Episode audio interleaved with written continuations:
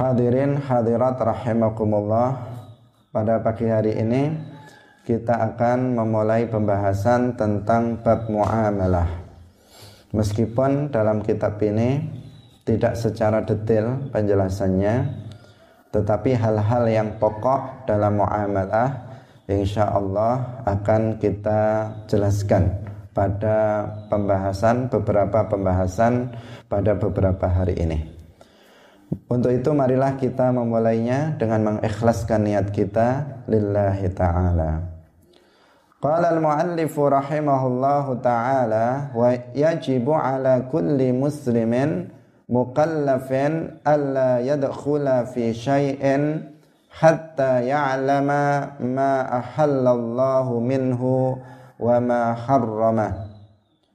Yajibu wajib ala kulli muslimin ing atase saben-saben wong Islam mukallafin kang mukallaf. Apa alla yadkhula yanto ora manjing sapa kulli muslim fi syai'in ing dalam suwiji-wiji hatta ya'lama sehingga ngaweruhi sapa muslim kulli muslim ma ing perkara ahalla kang wis ngalalaken sapa Allah Gusti Allah minhu sangking ma. Wa malan perkara harrama kang wis ngaramaken sapa Allah. Li anna Allah krana sak temene Allah subhanah iku ta'abbadana wis merti-merti ing kita bi asya'a kelawan pira-pira perkara. Fala buddha mongko ora kena ora min mura'ati ma uh, saking merhateaken perkara ta'abbadana kang wis uh, merti-merti ibadah ing kita sapa Allah bihi kelawan ma Waqad ahalla lan teman-teman wis ngalalaken sapa Allahu Gusti Allah al bai'a ing teltinuku wa harrama lan wis ngaramaken sapa Allah ar-riba ing riba wa qad qayyada lan teman-teman was melanggeri sapa Allah apa asyar'u syara hadzal bai'a ing iki teltinuku al mu'arrafi kang den ma'rifataken bi alati ta'rif kelawan alat ta'rif rupa al. Bi quyudin kelawan pira-pira qaid utawa pira-pira batasan wa syurutin lan pira-pira syarat wa arkanin lan pira-pira rukun. La buddha kang ora kena ora min muraatiha saking merhatiaken kuyut wa syurut wa arkan. Fa'alaman mongko iku wajib ing atase wong arada kang ngarepaken sapa man al bai'a ing adol wasyira alan tuku. Ayata'allama utawi yanto belajar sapa man zalika ing mangkono-mangkono zalika ing mangkono-mangkono al bai' wasyira wa illa lan lamun ora belajar wa illa lan lamun ora belajar akala mongko uh, mangan sapa man arriba ing riba. Syaa ngersakaken sapa man am aba utawa uh, utawa ora ngersakaken sapa man Hadirin hadirat rahimakumullah Muallif mengatakan wajib bagi setiap muslim yang mukallaf untuk tidak terjun melakukan sesuatu apa pun hingga ia mengetahui bagian yang Allah halalkan dan bagian yang Allah haramkan dari sesuatu tersebut. Karena Allah subhanahu telah membebankan kepada kita banyak hal.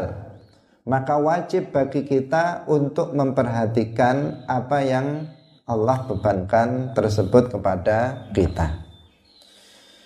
Jadi ini adalah sebuah kaidah yang penting bagi kita untuk kita perhatikan bahwasanya wajib bagi setiap muslim mukallaf. Mukallaf artinya apa? Al-balighul aqil.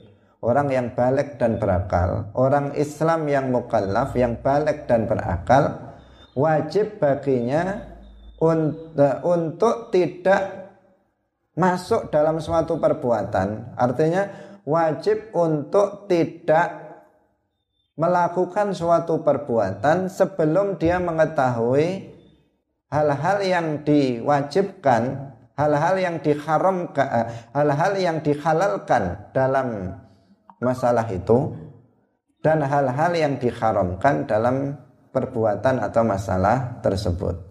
Jadi misalnya seseorang akan melakukan jual beli, maka dia harus tahu sebelum dia melakukan jual beli, dia harus tahu apa yang dihalalkan dalam jual beli dan apa yang diharamkan dalam jual beli. Misalnya seseorang akan melakukan akad sewa menyewa, maka dia harus tahu apa yang diharamkan dalam akad sewa menyewa dan apa yang dihalalkan dalam akad sewa menyewa. Dan ini berlaku dalam semua hal, dalam semua hal.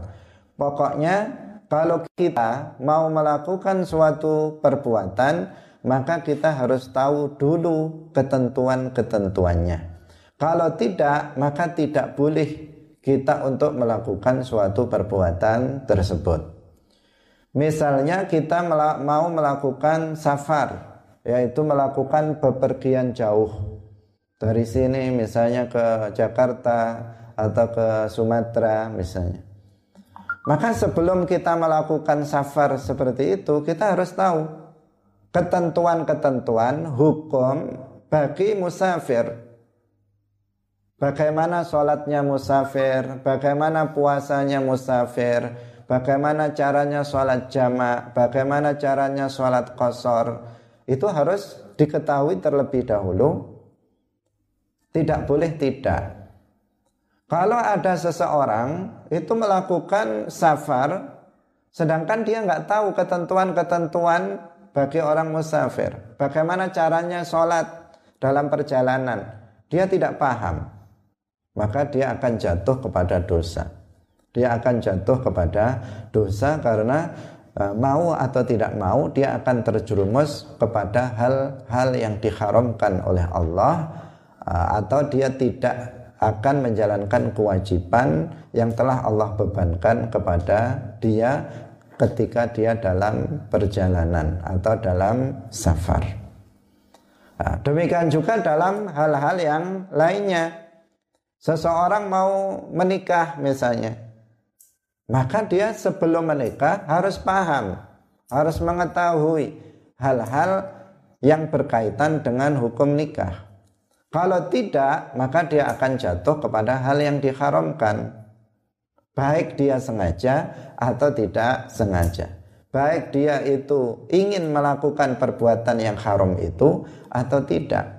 Kalau dia tidak tahu apa kewajiban suami terhadap istrinya, maka dia tidak akan bisa menjalankan kewajiban terhadap istrinya secara penuh.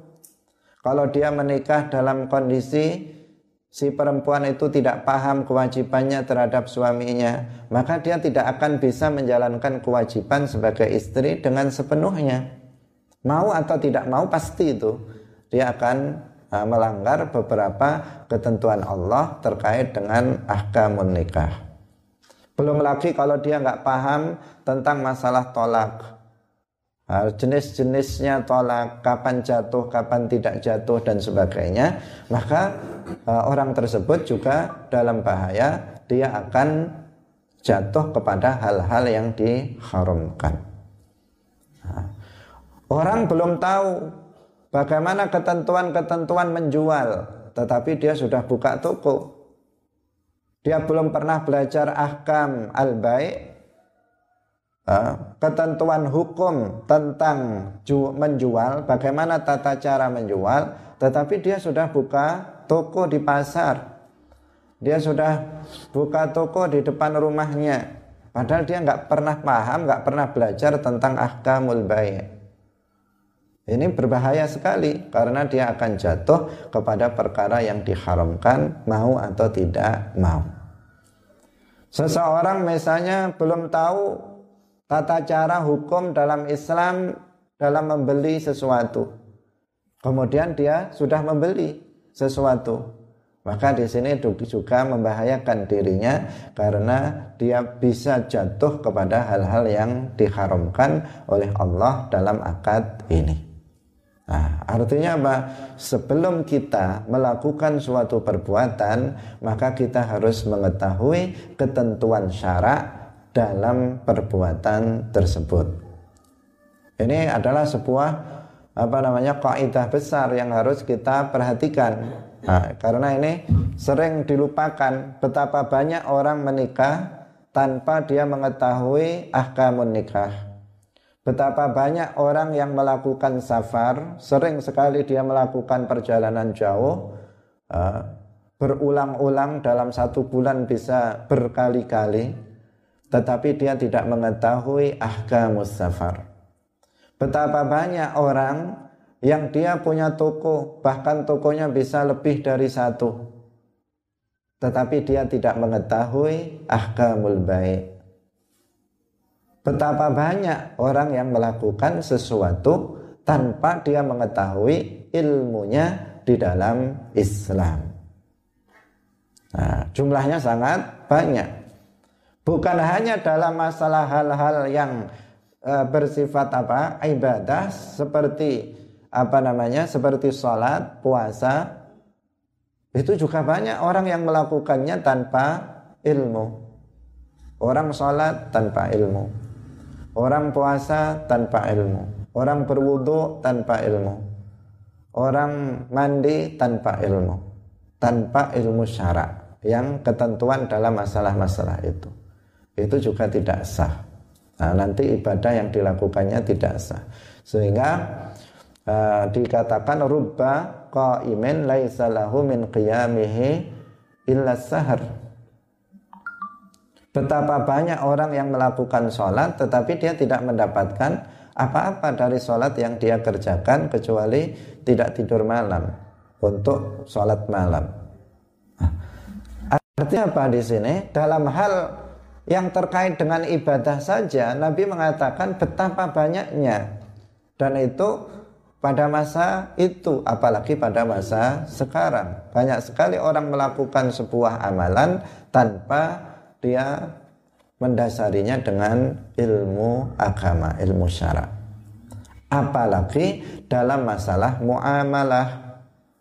Dalam masalah uh, muamalah dalam masalah akdun nikah dalam masalah al-bai' wasyira' dalam masalah misalnya rohan gadai dalam masalah uh, hutang piutang dalam masalah jual apa namanya dalam masalah kirat dalam masalah masalah yang lainnya yang sangat banyak yang mereka melakukannya tanpa didasari oleh ilmu nah tentu ini uh, tidak semestinya kita lakukan sebagai seorang muslim yang taat kepada Allah, yang memperhatikan, yang ingin mendapatkan ridho dari Allah Subhanahu wa taala. Hadirin hadirat yang dirahmati oleh Allah Subhanahu wa taala.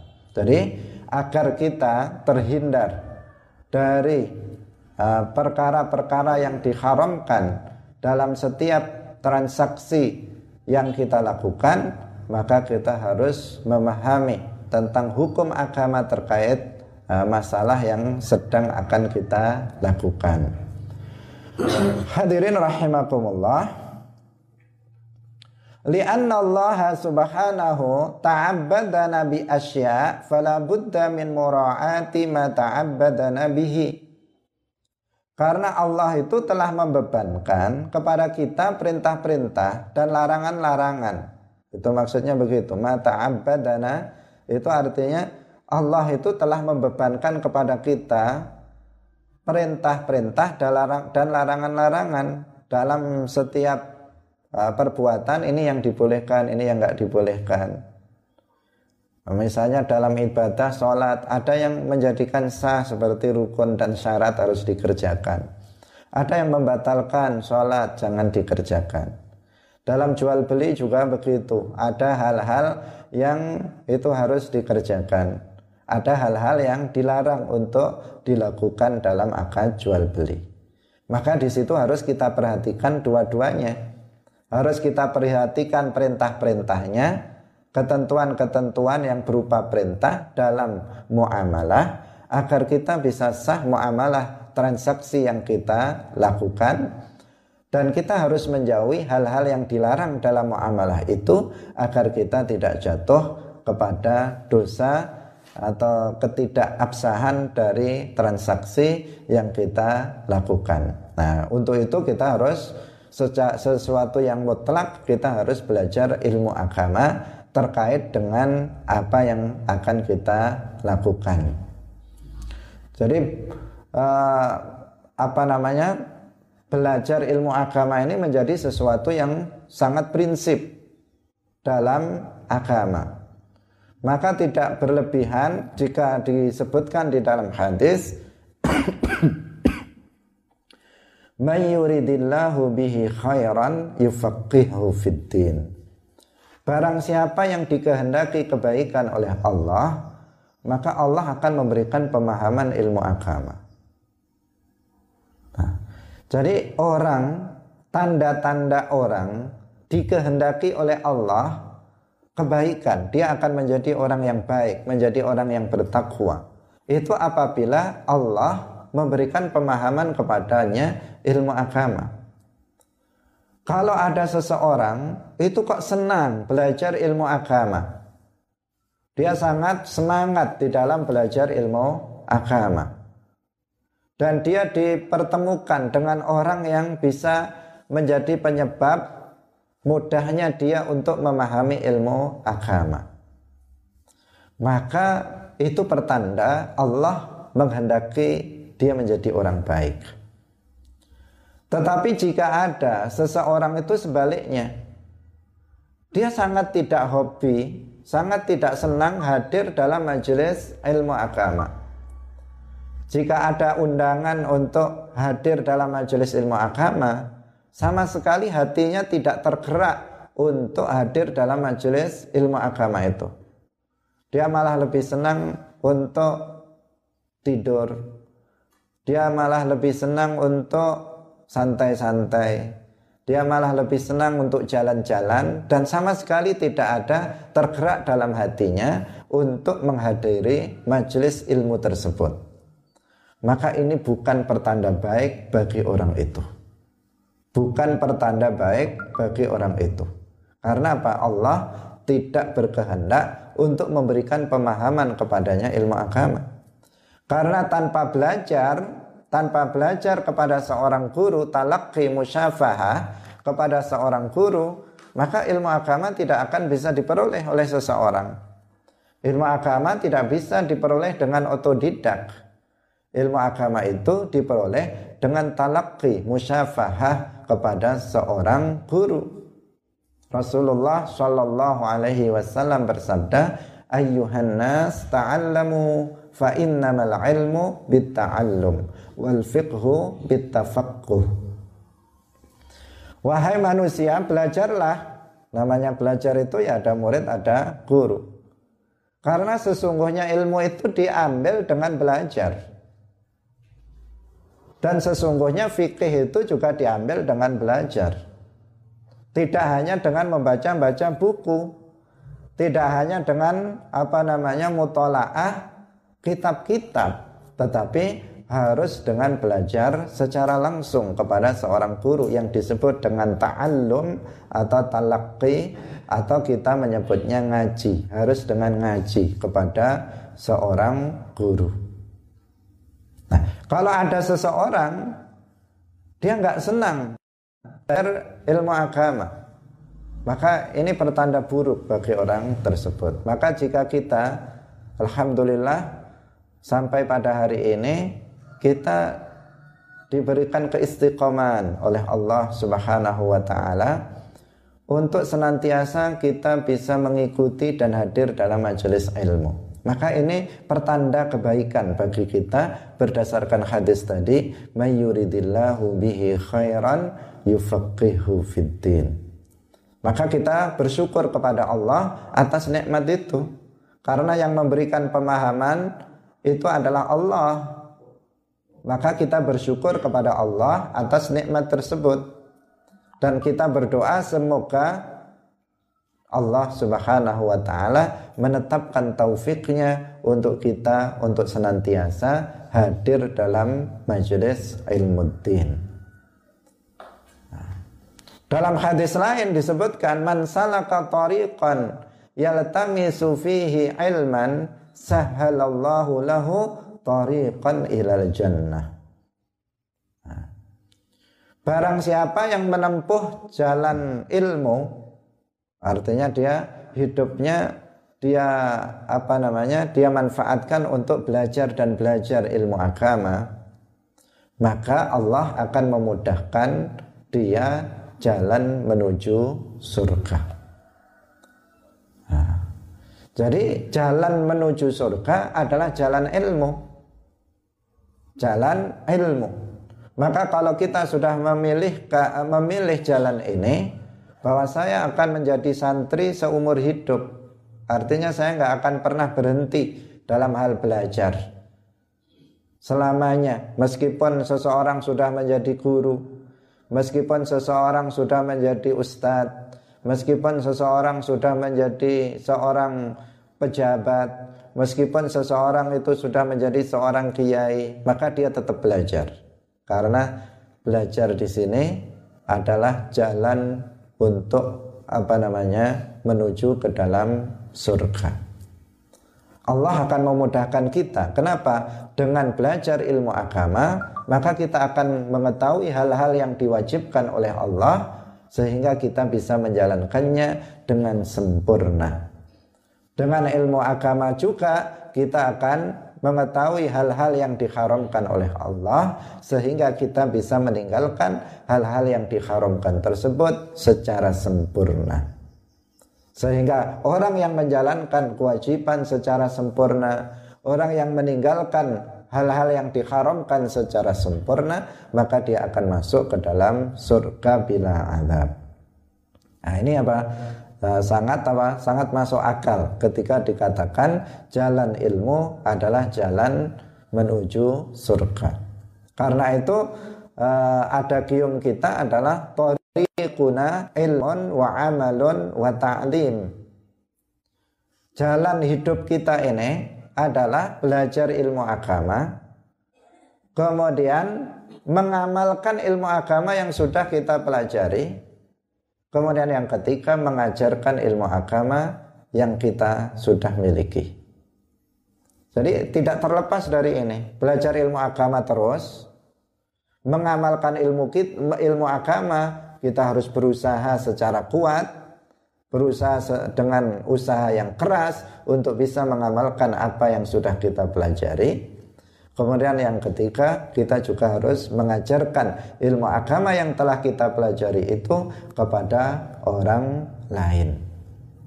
Nah, kalau seseorang menempuh jalan ini, maka dia akan uh, mendapatkan keberuntungan nanti di akhirat yaitu berupa masuk ke dalam surga. Hadirin hadirat rahimakumullah. Nah, dalam hal ini telah kita jelaskan tadi bukan hanya ketentuan-ketentuan yang sifatnya wajib yang harus kita pelajari, tetapi juga ketentuan-ketentuan yang itu apabila dilakukan adalah haram, menjadikan sebuah transaksi itu batal. Itu juga harus dipelajari. Hal-hal yang haram itu juga harus dipelajari.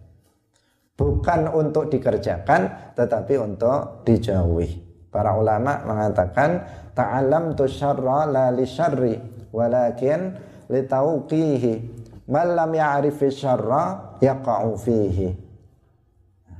Aku belajar keburukan bukan untuk keburukan, bukan untuk dipraktekkan. Ini haram, ini haram, ini haram ini buruk, ini buruk, bukan untuk dilakukan, tetapi untuk dijauhi. Karena apa? Malam ya'rifi syarra yaqa'u fihi. Orang yang tidak mengetahui keburukan, maka dipastikan dia akan jatuh dalam keburukan itu.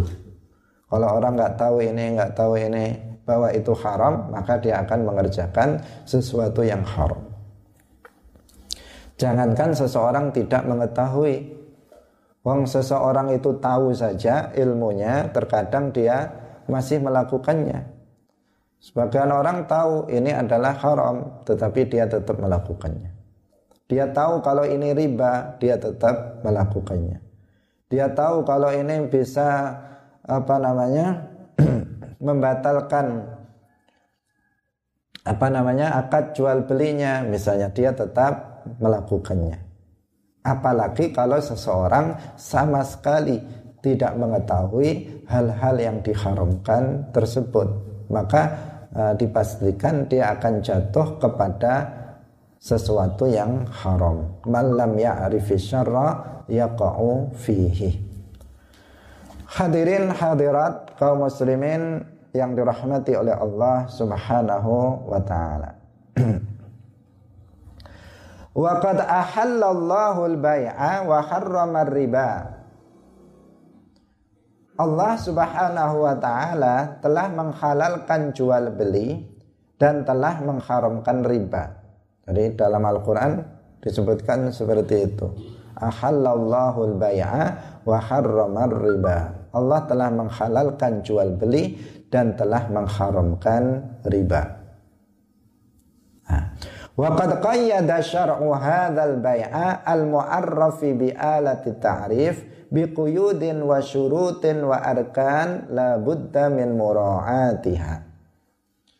Nah, maka syarak di sini sudah membatasi jual beli yang ditakrifkan dengan kata yang menunjukkan makrifat Makrifat itu berarti tertentu, arti tertentu. Ini dengan syarat-syarat rukun-rukun yang harus diindahkan, harus diperhatikan. Jadi dalam ayat itu Allah menyebutkan ah, menggunakan adatu ta'rif berupa al yang menunjukkan bahwa ini adalah makrifat, jual beli yang tertentu. Bukan jual beli secara umum, tetapi jual beli yang tertentu. Jual beli yang tertentu itu bagaimana? Yaitu jual beli yang memenuhi ketentuan-ketentuan dalam jual beli berdasarkan ketentuan syarak. Jadi jual beli yang memenuhi ketentuan-ketentuan syarak itulah jual beli yang dimaksud di sini yang disebut jual beli yang dihalalkan. Nah, sementara jual beli yang tidak mengikuti ketentuan-ketentuan syarat, syarat baik itu uh, batasan-batasnya, syarat syarat-syaratnya, rukun-rukunnya, kalau tidak memenuhi ketentuan-ketentuan ini, maka dia bukan jual beli yang dihalalkan tetapi jual beli yang diharamkan. Karena ada jual beli jual beli yang diharamkan. Nanti akan dibahas dalam kitab ini di bagian agak akhir. Apa saja jual beli yang tidak diperbolehkan. Nah, nanti akan dijelaskan dalam pembahasan secara khusus dalam kitab ini juga.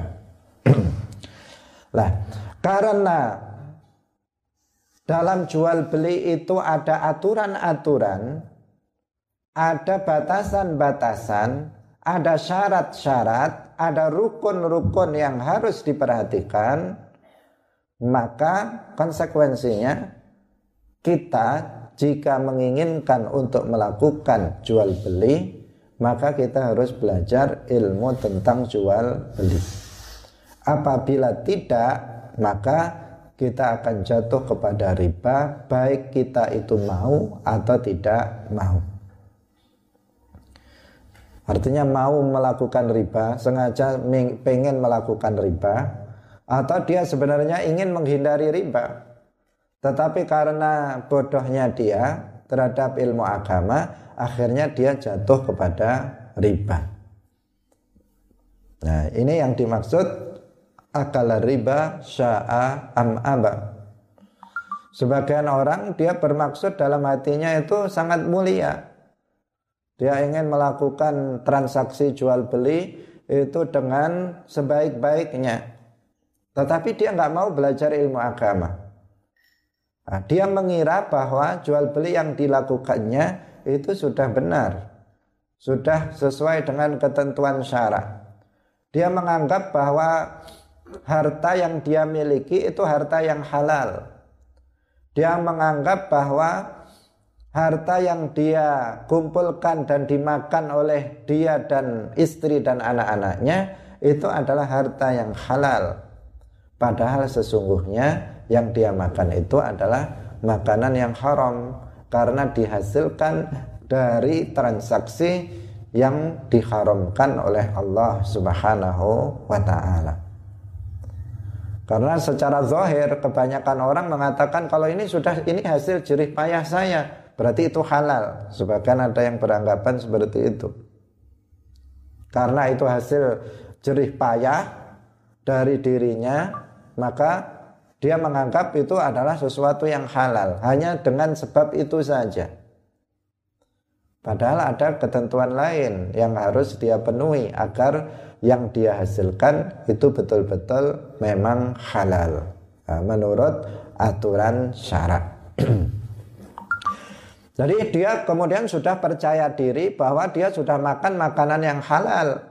Dia percaya diri bahwa dia telah uh, memberi makan istri dan anaknya dengan makanan yang halal.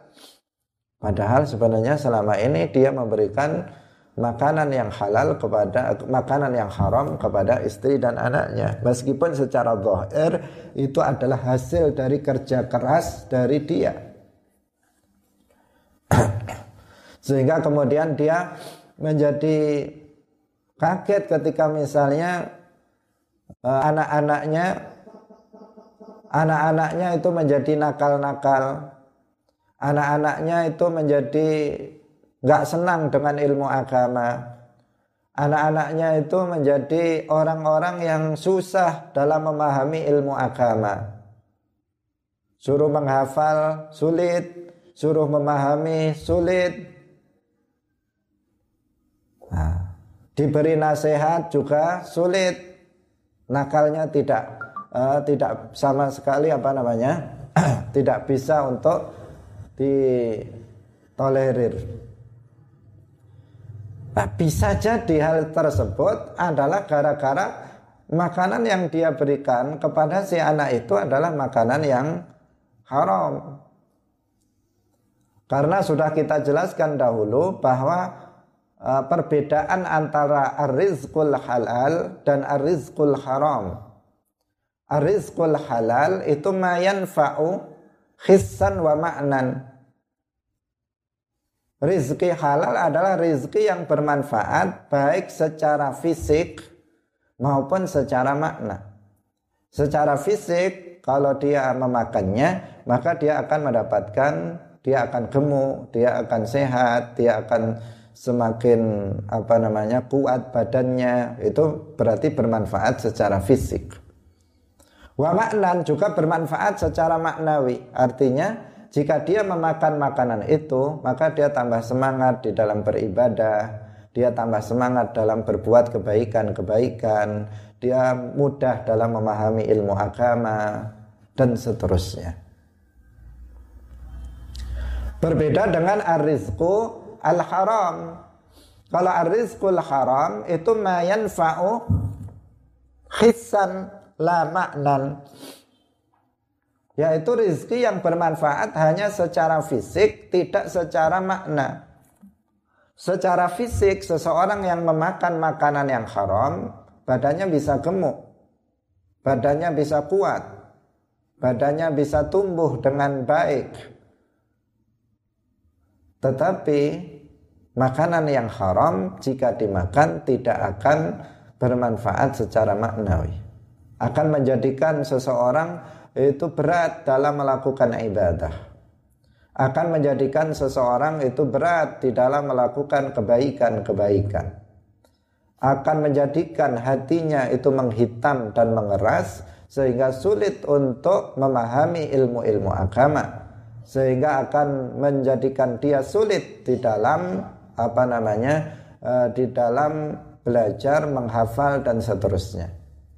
Nah, karena itu harus seseorang uh, memastikan dulu bahwa usaha keras yang dia lakukan di dalam mencari rezeki itu betul-betul sudah sesuai dengan ketentuan syarat. Agar seseorang tidak menyangka oh ini sudah benar. Padahal sesungguhnya akad yang dia lakukan adalah akad yang rusak menurut syarat sehingga menghasilkan harta yang haram meskipun secara zahir itu hasil kerja keras dia tetapi sesungguhnya itu adalah sesuatu yang haram karena tidak sesuai dengan ketentuan syarak dalam apa namanya akad-akadnya dalam transaksi yang dilakukan untuk mendapatkan apa namanya rizki atau harta tersebut. Hadirin rahimakumullah.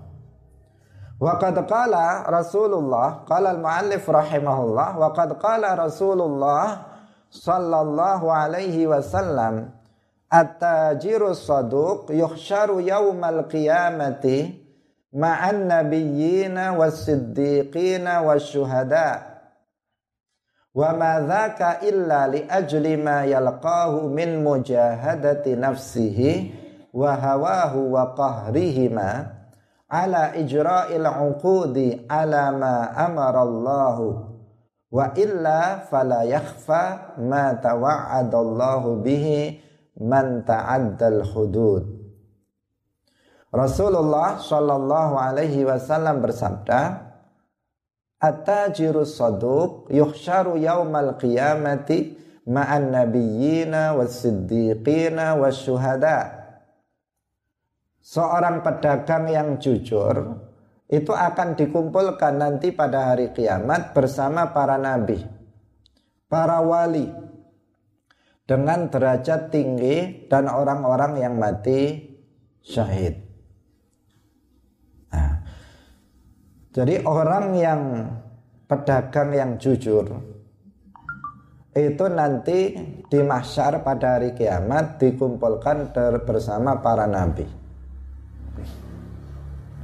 bersama orang-orang yang siddiq, orang-orang yang mencapai derajat tinggi, para wali dengan derajat uh, siddiqah itu artinya orang yang sangat tinggi seperti Abu Bakar As-Siddiq radhiyallahu anhu. Wasyuhada dan akan dikumpulkan bersama orang-orang yang mati syahid.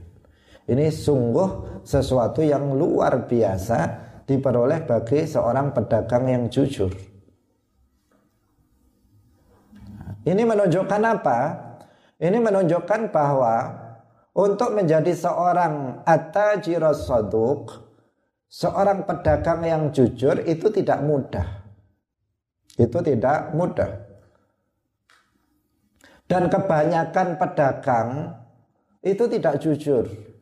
Tidak jujur dan tidak melakukan transaksi jual beli berdasarkan ketentuan syarat. Kebanyakan seperti itu.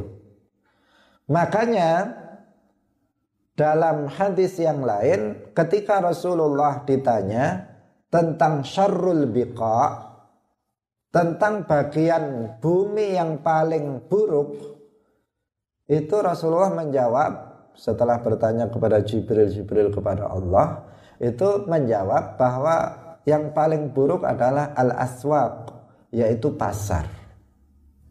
Tempat yang paling buruk di bumi ini adalah pasar. Tempat yang paling baik adalah masjid, tempat yang paling buruk adalah pasar. Kenapa? Pasar ini tempat pembohong-pembohong itu ada di dalam pasar, duduk di dalam pasar melakukan transaksi jual beli. Nah, dia bilang ini tadi sudah ditawar begini, padahal belum. Ini begini dan begitu. Ternyata uh, menyembunyikan aib, menipu dan seterusnya. Itu terjadi di pasar dan itu dilakukan oleh kebanyakan para pedagang. Hanya sedikit di antara mereka yang tidak apa namanya, yang tidak melakukannya. Pada zaman Sayyidina Umar ibnul Khattab radhiyallahu anhu ada sebuah peraturan yang sangat baik dan itu apabila diterapkan sekarang sangat baik. Beliau mengatakan la yaq'udu fi suqina ma lam yatafaqqah. La yaq'udu fi suqina tidak boleh duduk di pasar kita untuk melakukan jual beli. Malam yatafaqqah orang yang belum belajar ilmu agama terkait dengan jual beli maksudnya. Jadi kalau ada orang belum pernah belajar tentang jual beli, maka dilarang untuk masuk ke dalam pasar.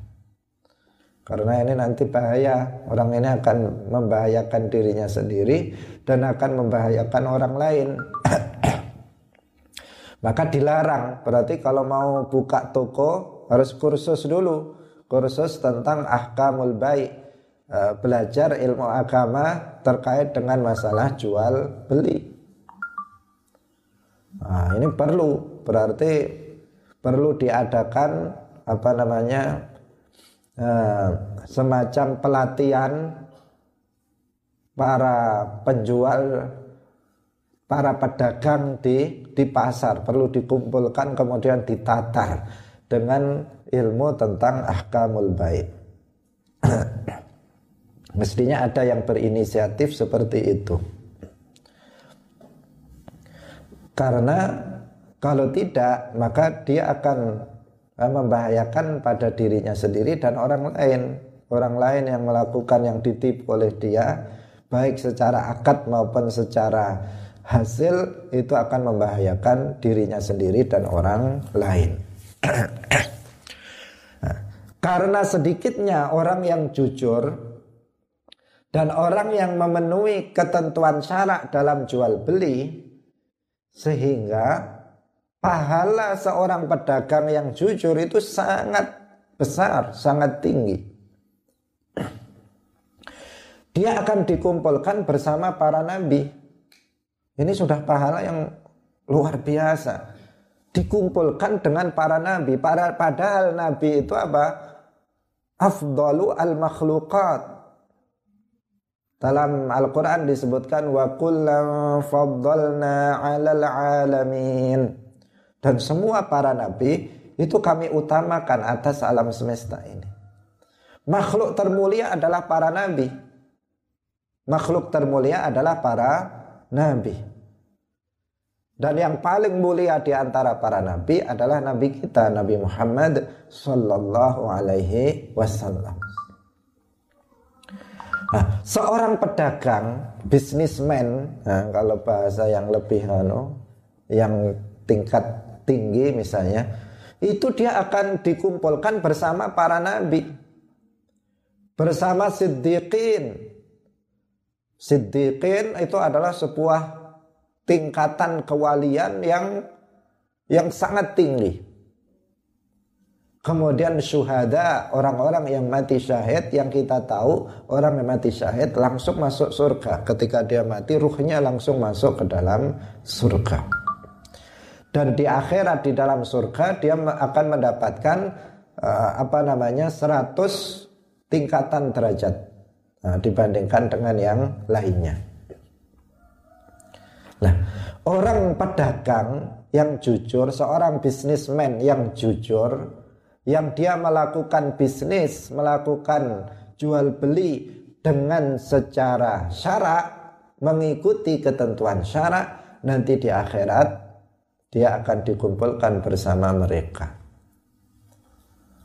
Nah, ini luar biasa ya, sebuah pahala yang luar biasa. Karena itu hendaknya kita uh, melakukan itu. Kalau bisa buka toko atau buka apa namanya kita bisnis tetapi dengan kecil-kecilan dengan mengikuti ketentuan syarat yang betul-betul yang betul-betul mengikuti ketentuan syarat meskipun ini tidak mudah. Karena sebagian orang itu menginginkan keuntungan yang lebih cepat. Dan keuntungan yang lebih cepat itu bisa dihasilkan secara zahir jika dilakukan dengan cara menipu orang lain. Itu akan lebih cepat. Kalau biasa-biasa saja, apalagi misalnya dia menjual sesuatu yang ada aibnya, kemudian dia beritahu, Mak, uh, ini tapi ada aibnya loh Pak ya. Ini ada begini. Ya itu itu apa? Sebagian orang wah kalau saya tunjukkan aibnya nanti nggak jadi beli. Akhirnya apa? Seseorang menyembunyikannya uh, seolah-olah itu tidak ada aibnya padahal ada aib yang dia uh, apa namanya jual. Sehingga yang dia belinya itu murah karena ada aibnya kemudian dia jual itu dengan harga yang mahal tanpa memberitahukan aib yang ada dalam barang tersebut. Nah. Jadi karena hawa nafsu itu menginginkan keuntungan yang berlipat-lipat dan dalam waktu yang cepat. Itu hawa nafsu kita mengatakan begitu. Kalau bisnis itu ya cepat kaya. Makanya kalau ingin menjadi orang kaya itu rata-rata itu bisnis. Nah, dengan bisnis, dengan dagang. Rata-rata orang kaya itu adalah dagang. Meskipun tidak menentukan itu. Kalau zaman dahulu orang kaya itu orang yang punya tanah yang luas. Tetapi zaman sekarang enggak. Orang kaya itu bukan orang yang punya tanah yang luas. Nah, tetapi orang yang melakukan yang dagang itu yang yang kaya. Tetapi sayangnya banyak di antara mereka itu yang berdagang secara tidak jujur, bisnisnya tidak jujur. Kadang dia bisnis barang yang palsu, dia menipu timbangan dan seterusnya. Nah, dan melakukan akad-akad uh, jual beli yang tidak sesuai dengan ketentuan syarak. Hadirin hadirat rahimakumullah. Jadi uh, kemuliaan yang diberikan kepada seorang pedagang yang jujur ini dikarenakan apa? Dikarenakan beratnya seseorang untuk menahan hawa nafsunya dalam melakukan transaksi-transaksi yang di apa namanya yang transaksi jual beli yang diharamkan. Dia harus betul-betul mampu untuk mujahadatun nafsi wa hawa uh, dan hawa nafsunya. Dia harus berjuang melawan hawa nafsunya, memaksa dirinya untuk senantiasa menjalankan akad jual beli itu berdasarkan ketentuan-ketentuan syarak. Karena itulah maka dia mendapatkan derajat itu. Karena al ajru ala qadri ta'ab. Pahala itu sesuai dengan uh, apa namanya kadar dari kecapean dalam melakukannya. Sesuatu amalan, sesuatu amalan yang berat itu pahalanya besar. Sesuatu amalan yang ringan itu pahalanya kecil pada umumnya. Tetapi ada amalan kecil itu pahalanya besar. Itu juga ada. Tetapi pada umumnya amalan yang berat itu pahalanya besar. Amalan yang ringan itu pahalanya kecil. Itu secara umum seperti itu. Al ajru ala qadri ta'am. Misalnya belajar ilmu agama seperti ini, hadir dalam majelis ilmu agama ini. Pahalanya sangat besar. Dikatakan khairun min antusalliya al faraqah lebih baik pahalanya dari sholat sunnah seribu rakaat. Padahal sholat seribu rakaat itu sangat berat. Dan belum ada pernah kita yang bisa melakukannya. Tetapi hadir dalam majelis ilmu agama itu juga super berat. Karena itu hanya sedikit orang yang mau hadir dalam majelis ilmu agama. Kalau saya misalnya membuka majelis zikir, insya Allah banyak yang hadir. Kalau saya membuka majelis sholawat, insya Allah banyak yang hadir. Kalau saya misalnya membuka majelis sholat tahajud, meskipun jam 3 malam insya Allah banyak yang hadir kalau saya umumkan maka banyak yang hadir berduyun-duyun tetapi jika saya mengumumkan membuka majelis ilmu perhatikan tidak banyak yang hadir kenapa Ini bukan sesuatu yang ringan, hanya orang-orang yang dipilih oleh Allah untuk diberikan pemahaman ilmu agama yang akan hadir dalam majelis ilmu. Karena itulah maka pahalanya sangat besar. Pahalanya sangat besar. Menjadi seorang pedagang yang jujur itu beratnya bukan main. Karena godaan-godaan harta ini pengen dapat uang yang banyak itu sangat uh, sangat apa? Sangat menguasai hawa nafsu seseorang. Karena itu kita nggak usah terlalu apa namanya uh, terlalu heran jika banyak orang-orang yang kaya tetapi dengan cara-cara yang buruk. Nah, sebagian kita uh, melihat orang, oh itu sudah beli mobil, ini sudah misalnya perusahaannya sangat besar, nah, miliaran yang dia hasilkan. Nah, ternyata apa? Nah, ternyata dia hutangnya juga banyak dan hutangnya adalah hutang riba. Nah, jadi modal yang dia gunakan adalah hasil riba. Dia pun punya mobil, punya perusahaan, punya ini, punya itu, tetapi sesungguhnya dia uh, terjerat dengan riba. Nah, hal yang seperti itu membuat sebagian orang itu kepingin uh, menjadi yang yang semacam itu. Tetapi uh, dia lupa bahwa ada akhirat yang nanti akan menjadikan orang tersebut tentu akan mendapatkan azab jika melakukan riba dan hal-hal akad yang diharamkan yang lainnya. Hadirin hadirat rahimakumullah, azab yang pedih, siksa yang pedih bagi orang-orang yang melampaui batasan-batasan agama dengan tidak menjalankan transaksi jual beli dan lainnya sesuai dengan aturan syarak. Jika pahala melakukannya itu besar, maka dosa atau azab bagi orang yang tidak melakukannya, maka itu akan sangat pedih. Hadirin hadirat rahimakumullah.